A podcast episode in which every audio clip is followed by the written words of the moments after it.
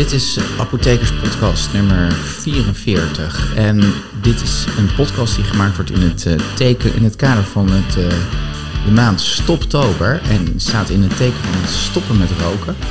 En we hebben meerdere afleveringen. Vandaag hebben we een aflevering met Maurits van der Veen. Maurits is uh, cardioloog in het ziekenhuis Gelderse Vallei.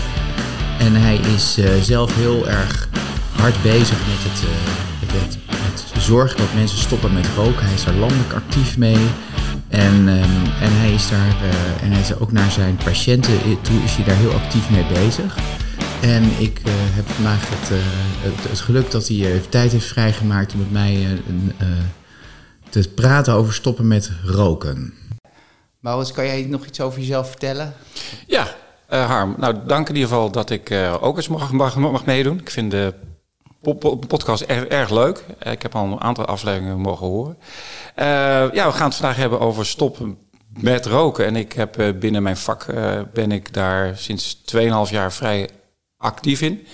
Ik kwam er na 15 jaar werken in de curatieve zorg kwam ik erachter dat ik eigenlijk dat we eigenlijk als artsen natuurlijk ook een hele belangrijke rol spelen in de preventieve zorg.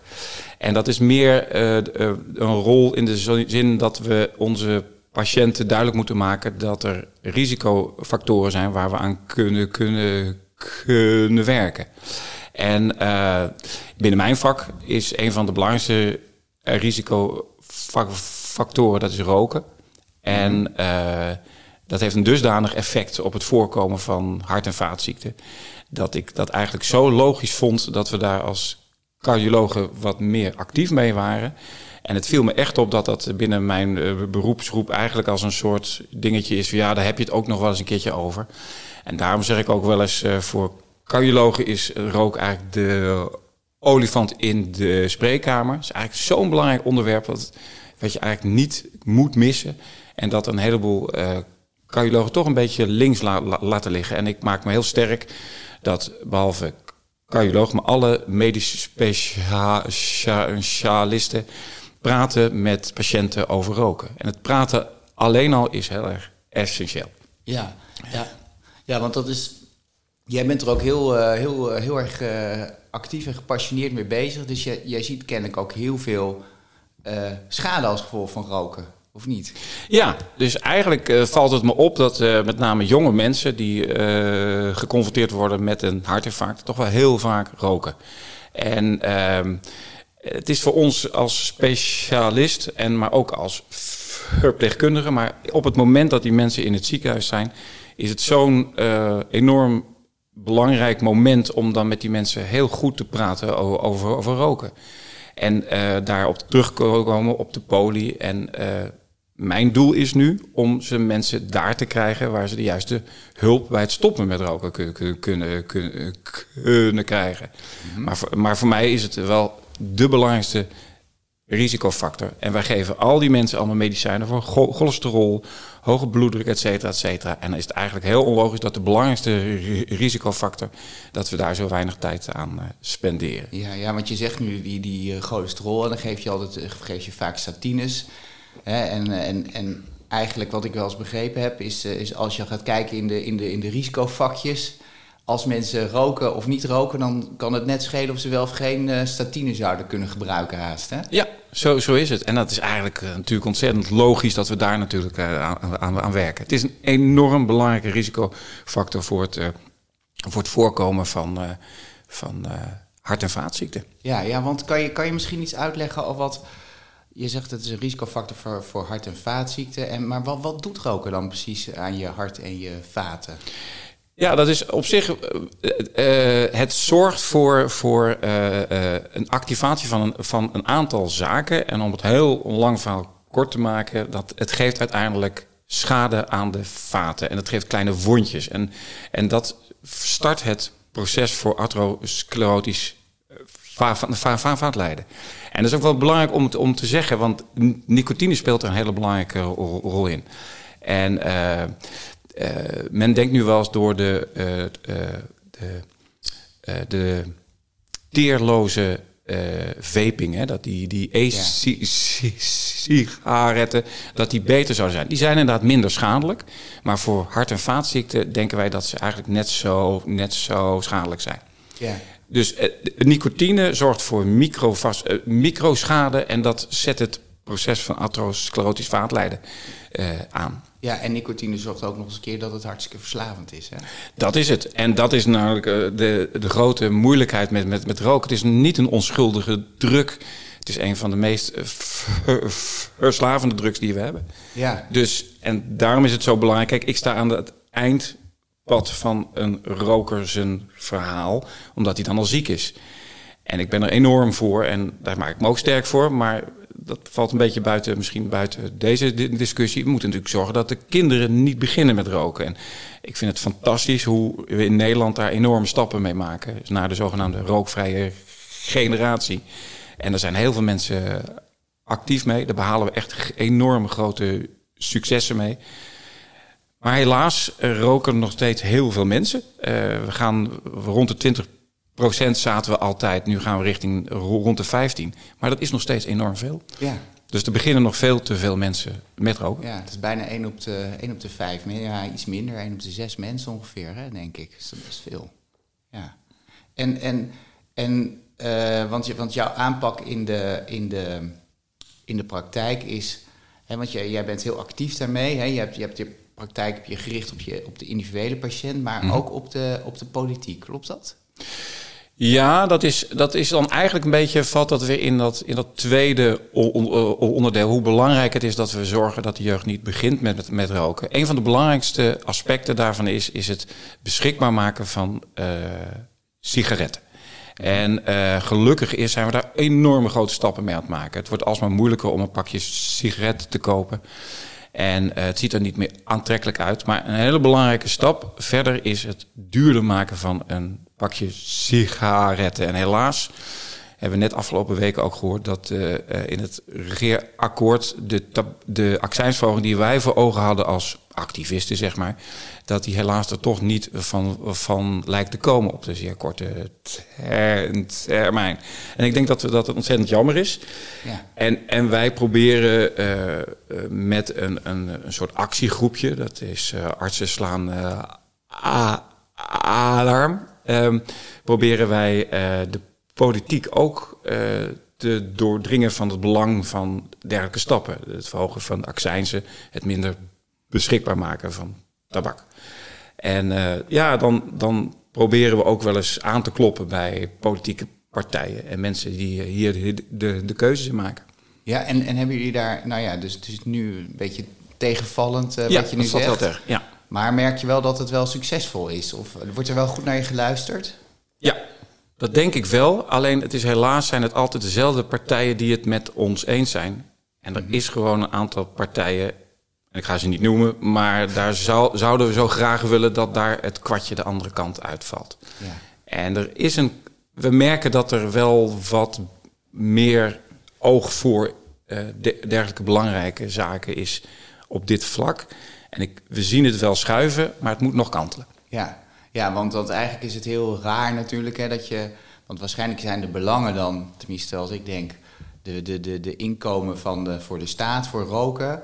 Maar aan de andere kant gaat het er, gek genoeg misschien wel, met bakken uit aan, uh, aan, aan, aan kosten voor medische zorg, of niet? Ja, dat is ook weer een grappig, want er is actueel, stond er in de Algemeen Dag, Dagblad afgelopen week een stuk over dat de roken eigenlijk minder duur is. Maar dat is, dat, daar kan ik niet in detail op ingaan, want dat is een ontzettend ingewikkelde berekening. Mhm. Maar uh, wij weten dat een roker uh, uiteindelijk duurder is voor ons allemaal. En het, los van het feit dat een, een roker ziek wordt. En dat willen we gewoon niet. Ja, want dat is, dat is misschien, misschien hebben we daar nog niet heel veel over gezegd, maar iemand die een, uh, ja, ja, het, voor jou misschien is het, uh, is het, uh, is het dagelijkse business as usual, maar als je, als je volgens mij een hartinfarct krijgt, dan heeft dat nogal wat impact op je leven, denk ik, of niet? Of is dat, Enorm. Ja? En, en daarom is het zo mooi en zo'n zo'n goed moment om als artsen, verpleegkundigen in de hartrevalidatie gewoon op dat roken ook te gaan richten.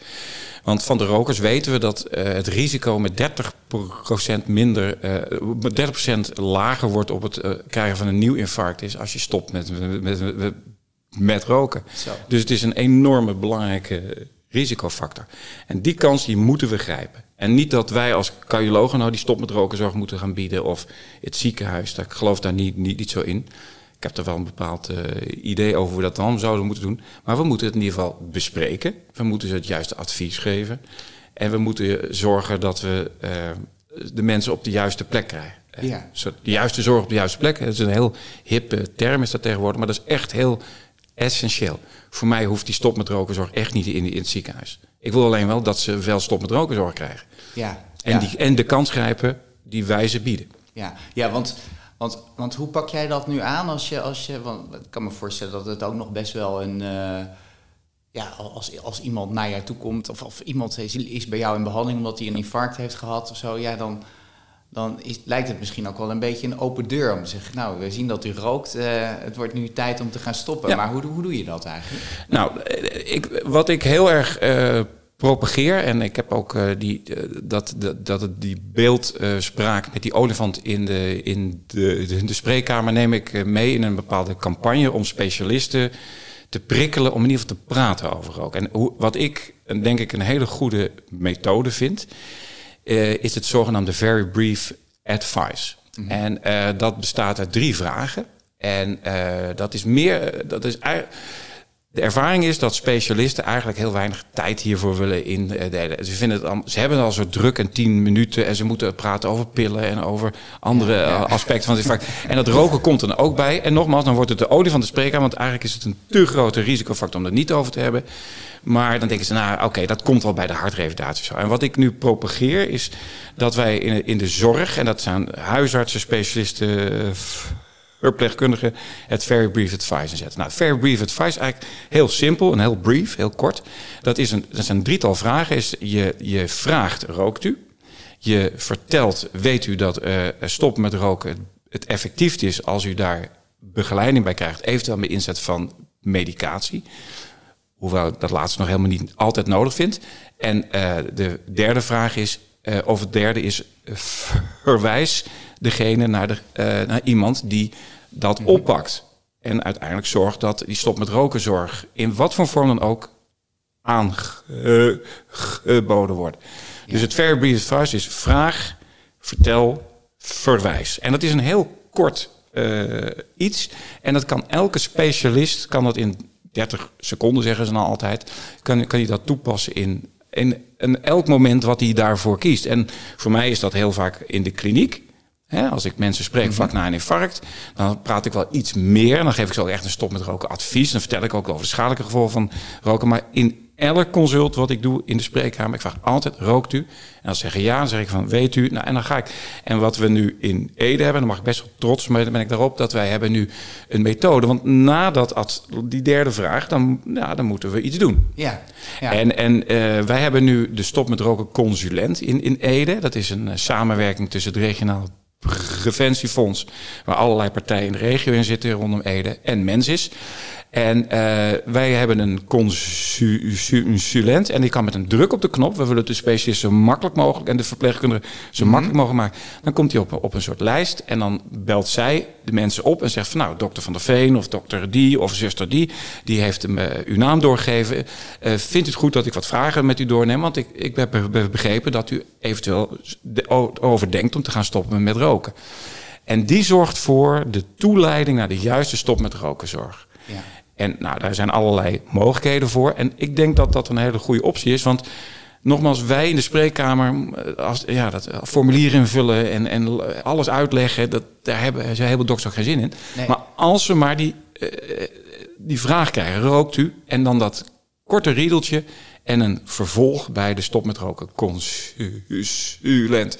En wij hopen daarmee met dat setje in de rug, de, juist de mensen toch echt wel, ook op de lange duur, een, een, rookvrij uh, leven te kunnen aanbieden. Maar dat is, uh, we gaan het allemaal uh, nu doen het een jaar en we gaan kijken waar dat toe leidt. Ja, ja dus je, je hebt eigenlijk dus een, een, een, wat je probeert te doen is met je, met je advies. Als je doorverwijst, probeer je eigenlijk gewoon de drempels om voor, voor, voor zo'n patiënt die verslaafd is. En oh, dat doe ik later wel. Probeer je eigenlijk te zorgen dat hij dat, dat, hij dat minder makkelijk hoeft te doen. Ja. Hè? Dus die zorgt eigenlijk dat je die drempel weg hebt. Dat is denk ik heel belangrijk. En, eh, en je hebt eh, ook nog financiële ondersteuning. Je noemde mens, is dat dus dan de zorgverzekeraar die Ja. dat wil uh, mee, meehelpen wil eh, eh, betalen, zeg maar. Ja. Ja. Ja, want het is. eh, nou, nog even terug op, op het eh, Fair Brief Advice en, en waarom we het zo doen. Is Ja. dat mijn ervaring was. Ik, ik praat dan, ja, sinds 2,5 jaar ben ik er zo van overtuigd dat wij als dokters die deze rol hebben. En ik merkte gewoon letterlijk dat mensen dachten: eh, ja, dokter, het zal wel stap in mijn auto, ik steek een sigaret op en ja, het, we Dat zien het wel. ernstig, ja. ja, terwijl ik ze dan echt had gezegd: van, gaan we praten eens met de huisarts, et cetera. En dus ze kwamen niet bij die huisarts. Dus wij denken dat op deze manier die toeleiding naar die huisarts, wat een van de mogelijkheden is voor stop met rokenzorg. eh, dus eh, daar hadden we echt behoefte aan. Terug naar de financiering, want dat is eh, wel een ding. Want wij, dit is een, eh, een, een, een potje geld wat we krijgen van een aantal partijen. Eh, Ik hoop dat dit misschien een model wordt waar we met elkaar eh, overeenkomen dat dit een heel zinnige manier is om stop met roken zorg te gaan regelen. Alleen de financiering is wel een ontzettend lastig ding. En, en dat is wel heel erg jammer. Ik heb vanochtend toevallig een podcast gehoord van Marcel Levy. En die had het over de, de, de silo's in, in de zorg. En eh, de, eerste en de tweede lijn silo's. En, en dat we daar eigenlijk met dergelijke belangrijke over, overkoepelende of eh, overstijgende zaken... dat we daar eigenlijk helemaal geen structuur voor hebben. En dat het dus elk initiatief wat er is, dat loopt dus dood. Ik zal het je uitleggen. Als jij eh, zegt, oké, je gaat eh, stop met roken, ga maar naar je huisarts. En die, huizen, en die patiënt, de ziekste mensen zitten in eh, de ketenzorg COPD, Ja. ketenzorg CVRM, die hebben een hartinfarct gehad. Ja, COPD is, is, is longschade, Ja, hè? ja, dat is chronische longschade. Ja. Altijd bijna door roken. Dus dat zijn de ziekste mensen. Dus dat zijn de me- en die mensen zitten dus in de, in de ketenzorg. En die krijgen dus stop met rokenzorg van de huisarts. Maar dat is maar een heel beperkt eh, eh, budget wat die huisarts daarvoor krijgt. Dus die kan die zorg eigenlijk niet leveren. Mhm. En stop met rokenzorg kan heel simpel zijn. Kan een, een, scho- een schouderklopje en een duwtje in de goede richting zijn. Ja. Maar ja, COPD zegt dat. Dat zijn mensen die chronisch roken. Die roken stoppen niet zomaar. Dus die hebben eigenlijk intensievere stop met rokenzorg nodig. En dat kan die huisarts eigenlijk niet bieden. En er is een aantal ziektezorgverzekeraars die daar wel eh, eh, wat open voor, voor staan. Want eigenlijk de ziekste mensen krijgen eigenlijk de eenvoudigste stop met rokenzorg. En dat is eigenlijk heel erg jammer. En, en daarmee wil ik aangeven, ik denk dat we echt, en daar zijn we gelukkig wel nu, het ligt het nu op tafel. En het is een lastig onderwerp, het ligt nu bij de huisartsenverenigingen en bij de zorgverzekeraars. We moeten daar met elkaar echt over nadenken. Hoe krijgen we nou goede stop met rokenzorg, goed ge- ge- gefinancierd op de juiste plek? Ja. En dat is wat mij betreft de huis. Ik vind het best. Of de POH of, of, of een stichting of een psycholoog. Daar gaat het niet om. Maar we, we moeten er wel met elkaar over hebben dat we, dat we de mensen die het juist nodig hebben, ook deze zorg ver, vergoed krijgen. En ik denk dat het op deze manier, als we zo doorgaan, dat het niet eh, echt vlot getrokken wordt. En dat Nee. mensen de juiste zorg krijgen. Ja, ja dus, dus het is eigenlijk, eigenlijk de financiële. De, de, de, de, de, ja, de beloning die je hebt om, om, om die mensen te begeleiden en, en om die mensen te helpen met, eh, met het roken. En eigenlijk ma- maakt eigenlijk niet zoveel uit te zeggen ja, wie, wie dat dan zijn. Of dat een, eh, een onder, praktijkondersteuner van de huisarts is, of een stoppen met roken consulent of een psycholoog. Eigenlijk, eh, het doel is stoppen met roken en daar zou eigenlijk financiering voor moeten zijn. Ehm, en en, en dat, dat is iets wat nu ontbreekt, waardoor, waardoor het misschien ook heel weinig ehm, goed gebeurt. Ja, de juiste zorg op de juiste plaats. Ja, Eh, waar het is, maakt mij niet uit. Maar er is een aantal mensen die met stop met roken echt een, eh, heel veel moeilijkheden, Ja. hebben. En dat Ja. is niet in vier keer tien minuten bellen. Nee. Eh, dat is begeleiding met medicatie, dat is psychologische begeleiding. Misschien moeten we juist wel bij die mensen thuis kijken. Want Ja. ik denk dat roken een socio, eh, ehm, een, een, een maatschappelijk pro- een pro- probleem voor een heleboel mensen is. ja, ja. Eh, de kans dat je gaat roken als je ouders roken is enorm groot. Mhm. En wat we nou zien is dat mensen met een laag sociaal-economische status, die lage zes, wat we dan altijd zeggen, ja, die roken enorm veel. Ja. En, en ik, eh, ik merk gewoon in mijn vriendenkring rookt er helemaal niemand meer. Da- da- Daar is het helemaal geen, geen, geen issue. En daar moeten we echt met elkaar echt over, over, over nadenken. En, en, dus dat is echt complexe zorg. Soms wel eens dat je misschien uh, meerdere mensen uit een gezin of een buurt moet hebben. En ehm, ja, dus dat is niet zo makkelijk. En ik denk dat, uh, dat er misschien andere instanties ook wel met stop met roken misschien ook bezig moeten zijn. Misschien moet de overheid of de gemeente bijvoorbeeld daar een rol in spelen. En, en dus dat, dat, is, uh, dat maakt het. En dat vond ik wel grappig dat Marcel Levy zei dat vanochtend in de podcast ook. Die zei, misschien moeten we die preventieve zorg, en hij noemde specifiek stop met roken, misschien moeten we dat we helemaal niet in de zorg stoppen. Misschien moeten we dat we heel anders uh, gaan, gaan organiseren. Uh, ik ben er zelf persoonlijk helemaal niet voor dat mensen in een ziekenhuis komen voor stop met rokenzorg. Een ziekenhuis is. is hele dure zorg natuurlijk. Is hele, ja. ja. dan moeten ze, in, uh, moeten ze een parkeerplaats zoeken. En, en, en ja, dat kan ook prima bij de huisarts, maar het kan ook in het buurthuis. Ja. Ik, ik, er zijn allerlei mogelijkheden. Maar ik denk dat we het uh, breder moeten trekken dan alleen maar medische zorg. Maar gewoon echt goed nadenken: wat is de juiste zorg op de juiste plaats? En ik, uh, ik ben ook uh, bestuurslid van het partnership Stoppen met Roken. En we maken daar, we hebben een kwaliteitsregister voor mensen die stop met roken coaches zijn. En we hebben een soort vijftraps raket van ja, dat is gewoon, gewoon eigenlijk een schouderklopje tot aan hele intensieve verslavingszorg. Ik denk dat we daarmee ook de differentiatie moet, moeten aanbrengen. En echt gaan kijken de juiste zorg op de, de juiste plek. Gelukkig heeft niet iedereen die vijfde trap nodig. Nee. Nee, maar je hebt, wat je zegt eigenlijk, het is, het is gewoon, het is ook voor een heel groot gedeelte maatwerk. Dus je, je, sommige mensen kunnen redelijk makkelijk stoppen. En die, Ja. hebben, die zien, oh, ik heb een hartinfarct gehad en ik moet echt nu stoppen, want dit is gewoon heel erg dom wat ik aan het doen ben.